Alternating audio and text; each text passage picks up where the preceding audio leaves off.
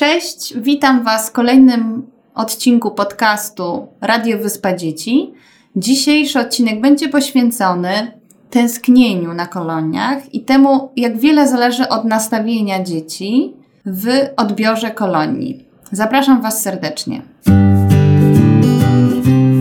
Słuchacie Radia Wyspy Dzieci, podcastu inspirowanego codziennością z dziećmi, wyzwaniami i radościami rodzicielskiej drogi. Opowiadamy o tym, co ważne, czasem trudne, o tym, co miłe, śmieszne i prawdziwe. Po prostu.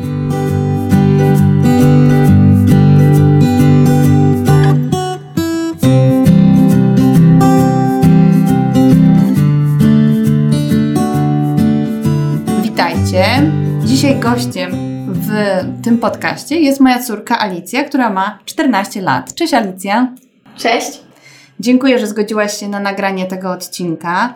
Wiem, że to nie jest łatwe tak na żywo przed mamą opowiadać o swoich doświadczeniach, mm, ale spróbujmy.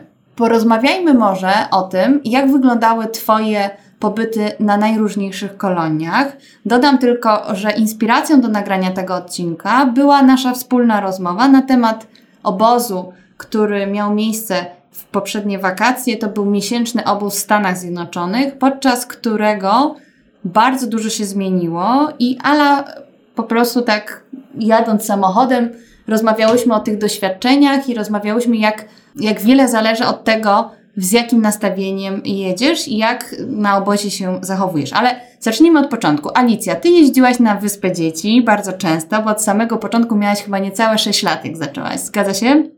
Zgadza się.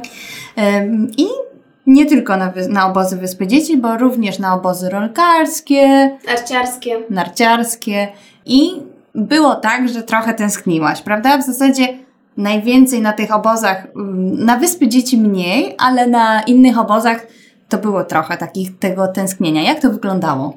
E, otóż początek był naj, e, najtrudniejszy dla mnie. Właśnie płakałam i nie mogłam od tego oderwać myśli. I również zawsze jeździłam z moją przyjaciółką, która mi też opowiadała, że em, nie mogła ze mną się bawić, bo ja tylko mówiłam o tym, że jak ja tęsknię. I co jeszcze mogę powiedzieć? No, dzwoniłaś do mamy, trochę, Tak. trochę zawsze tak płakałaś, czasami chciałaś wracać. I nie pamiętam nawet, co ja ci mówiłam, czy ci pomagałam, czy nie, ale może ty pamiętasz, co ja, jak wyglądały te rozmowy z rodzicami. Właśnie też jeszcze dopowiem, że e, jak były takie dwutygodniowe obozy, to w połowie rodzice przyjeżdżali i to też było najcięższe, bo znowu cieszyłaś się na widok rodziców, ale jednak jak odjeżdżali, to znowu przeżywałaś to samo, co na początku. Mhm. I też e, wracając do tego pytania, Mhm. Czyli do jakiego pytania? Pytanie dotyczyło rozmów z rodzicami. Jak one wyglądały? najczęściej e, mama mi mówiła, żebym się nie martwiła, że dam radę, żebym właśnie korzystała z tego. Mm, To prawda, to były dość ciężkie rozmowy, mogę powiedzieć z punktu widzenia rodzica. To jest bardzo trudna rozmowa i bardzo dobrze rozumiem obawy rodziców, które rozmawiają ze swoimi dziećmi i dzieci im opowiadają, że na przykład jest im smutno albo że strasznie tęsknią, to wtedy boli serce. Ale tak naprawdę warto wiedzieć, że temu dziecku nic y, nie zagraża, że to są kolonie doświadczenia, tęsknoty też jest całkiem normalnym doświadczeniem i częściej dzieci, i bardzo często dzieci przez to przechodzą i bardzo dużo dzieci tęskni. Jedni sobie radzą z tym lepiej, drudzy gorzej. I teraz chciałam się powiedzieć, że są takie dzieci, które bardzo dużo korzystają z kolonii. One bardzo cieszą się z tego, że są na kolonii. Wchodzą jak w masło, od razu się bawią ze wszystkimi, korzystają, no, chłoną każdym centymetrem swojego ciała to, co się dzieje na kolonii. I takich dzieci myślę, że jest może 10%. Pozostałe dzieci to są dzieci, które trochę są wycofane i dopiero w trakcie na, upływu czasu poznają lepiej swoich rówieśników, poznają kolegów i zaczynają coraz więcej korzystać. W związku z tym ten, ten czas, kiedy one korzystają, on jest bardzo opóźniony, bo on się zaczyna w momencie po przejściu tej całej aklimatyzacji. I u Ciebie, Alicja, było bardzo podobnie, Ty bardzo dużo tęskniłaś, ale pojechałaś na miesiąc w zeszłym roku do Stanów Zjednoczonych ze swoją siostrą. No i co tam się zmieniło, tak? Bo, bo opowiedziałaś mi ostatnio, że to był bardzo fajny obóz i czegoś się tam nauczyłaś. Opowiedz o tym.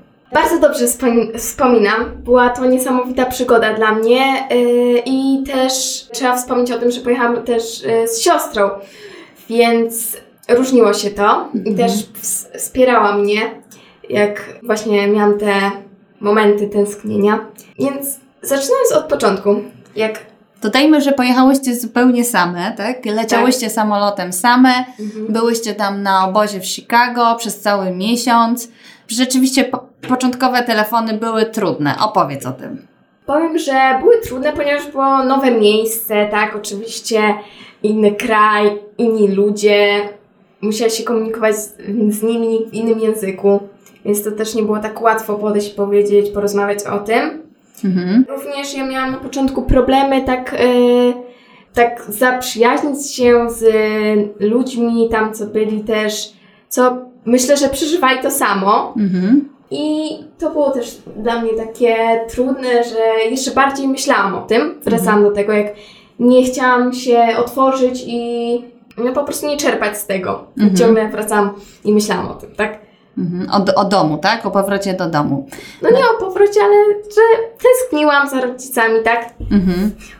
Okej, no i co się zmieniło? W pewnym momencie nagle, to był taki moment, mogę się podzielić tutaj y, z Wami, że mm, dzwoniłyście codziennie no i widzieliśmy, że to w sumie dobrze Ci nie, nie pomaga Ci to specjalnie, dlatego że mm, jakby zaczyna się tęsknienie, zaczyna się nakręcanie na, że jest smutno, że to nie jest do końca tak.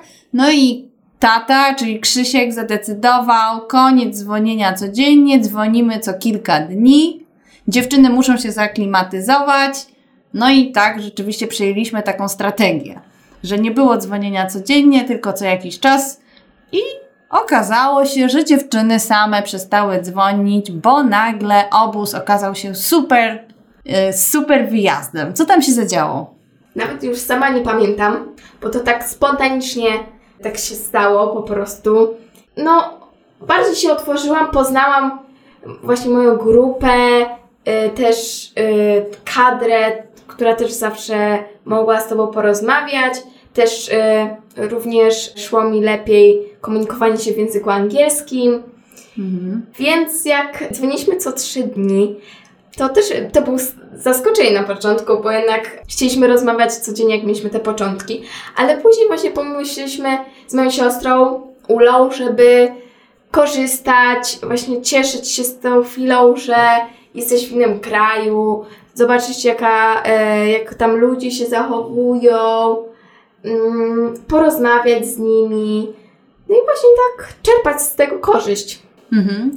To prawda. Ja mm, obserwując to od środka na koloniach, zauważam, że bardzo ważny jest taki moment, kiedy dziecko przestaje myśleć o, o tęsknocie i otwiera się na doświadczenia z zewnątrz. Bo w momencie, kiedy tęsknimy, to cały czas de facto nie do końca bierzemy udział w tym, co się dzieje. Czy masz takie doświadczenie? Tak. Że nie do końca jesteśmy otwarci na poznawanie nowych kolegów, tak jakbyśmy słuchali w połowie tylko, albo byli za szybą. Cały czas jesteśmy tak w sobie, y, w tęsknocie, a w momencie, kiedy się otwieramy, kiedy zapominamy o tym, mm, czasami pomaga taka sytuacja, że dzieci wiedzą, że nie mogą wrócić, że Dobrze jest, żeby miały poczucie bezpieczeństwa, czyli żeby wiedziały, że jak będzie ciężko, jak będzie bardzo trudno, to zawsze możesz na mnie liczyć, ale żeby to nie był komunikat na zasadzie nie będzie ci się podobało, to mama przyjedzie i cię zabierze, bo to nie o to chodzi. To, że mi się nie podoba, to często wynika z tego, że właśnie nie wziąłem udziału we wszystkich atrakcjach i trzeba troszeczkę poczekać, aż ten proces aklimatyzacji nastąpi. I ten proces następuje. Ty wróciłaś ze Stanów, rozmawialiśmy o tym teraz niedawno. Y, I jakie jest teraz Twoje nastawienie? Jak, co byś poradziła dzieciom, żeby się przygotować na wyjazd i żeby jak najszybciej wsiąknąć tą atmosferę kolonijną, żeby korzystać? No jednak nie mogę powiedzieć, że od razu masz być otwarta, bo jednak to jest, zawsze będziesz tęsknić jednak, lecz powinnaś mieć takie właśnie nastawienie, że nie ma odwrotu, jesteś tam, tak czy siak, więc mm, nie wiem jak to powiedzieć, właśnie jest taka sytuacja, że zawsze będziesz tęsknić, lecz to może się zmienić z Mhm. czasem Mhm. i też musisz patrzeć na to, że, zaw- y, że Może w taki bardziej pozytywny sposób, albo z otwartymi ramionami przy, przyjmować to, co przychodzi, co proponują opiekunowie, co się dzieje. tak, Łagodniejszym okiem spojrzeć na swoich kolegów. Może nie są tacy wcale beznadziejni, tylko dlatego, że noszą inne rzeczy albo są nie, albo nie odzywają się, może dlatego się nie odzywają, bo też się wstydzą trochę. Mhm. Właśnie powinno się czerpać z tego i też mieć takie nastawienie, że pojedziesz tam, będziesz miała takie doświadczenie, a później tak wrócisz, spotkasz się ze swoją rodziną. I będziesz miał czas na opowiedzenie. To prawda, ja też mogę dodać od siebie, że warto taką, taką małą radę dla rodziców przygotowujących dzieci na kolonie. Warto z dziećmi trochę poćwiczyć takie sytuacje, na przykład otwieranie się na coś nowego, bo to jest trudne dla każdego, zarówno dla dzieci, jak i dorosłych, otwarcie się na nowe rzeczy, szczególnie w środowisku, kiedy nie wszystkich znamy, nie wiemy za bardzo o co chodzi. Tak naprawdę rodzice nas wysłali, wysłali na tę kolonię. Więc warto poćwiczyć z dzieckiem sytuacje, które nie do końca mu się podobają i są dla niego trudne. Typu idziemy na nowe przyjęcie albo idziemy do znajomych, do, którego, do których tak naprawdę dziecko nie chce pojechać. W związku z tym umawiamy się, że słuchaj, jedziemy i korzystamy w 100% z tego, co, co się tam zadzieje. Czyli jesteśmy na tak i uczymy się takiej otwartości i brania, korzystania z tego, co po prostu dzieje się dookoła nas. I takie ćwiczenia bardzo zalecamy naszym wszystkim przyszłym kolonistom. Na koniec jeszcze chciałam, Ala, Cię poprosić, żebyś- porównała kolonię Wyspy Dzieci yy, i ten obóz yy, amerykański. Oczywiście kolonie Wyspy Dzieci trwają tydzień, są tam młodsze dzieci, bo są tam dzieci od 6 roku do 10 roku życia, a w Stanach Zjednoczonych to Ty chyba byłaś najmłodsza i to był miesięczny obóz. Mhm. Czym jeszcze? Jakie były jeszcze różnice? Co robiłaś na Wyspie Dzieci, a, a co się działo tam? Tam to oczywiście miałam zajęcia z języka angielskiego. Em, Też em, no, byłam młodsza, kiedy jeździłam na e, Wyspę Dzieci, a teraz byłam starsza i było, byli też starsi ludzie, tak? Mhm. Jakby. I też różnice, no, Chyba mniej zabawy było. mniej zabawy, tak, no bo jednak z wiekiem to już się już się tego jakby tak już nie masz takiej zabawy, zabawy z dziećmi, tak? Mhm. Jakby no na wyspie dzieci tak yy, no właśnie bawisz się, a już ze starszymi ludźmi bardziej rozmawiasz, tak? Mhm. Bardziej tak, nie wiem. Po prostu jesteś, nie ma tej, tego elementu y, aranżowanej zabawy. Dodam na koniec już, że Ala w tym roku jedzie jako wolontariuszka, bo w sumie y, cieszę się, że jedziesz z nami jako wolontariuszka na obóz. Bardzo się cieszę i chcę właśnie się zobaczyć, jak to jest na, z drugiej perspektywy, na innym miejscu, jak wygląda właśnie taki obóz.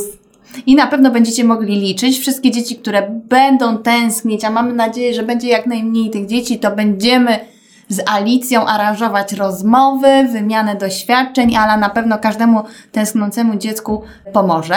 Tak, Mm. oczywiście. W związku z tym nie wiemy jeszcze do końca, czy kolonie się odbędą, czy nie, jaka będzie sytuacja z pandemią koronawirusa, ale mamy nadzieję, że one się odbędą i wszyscy spotkamy się w, na pierwszym turnusie razem z Alicją. Tam będzie jeszcze jedna wolontariuszka, Julka.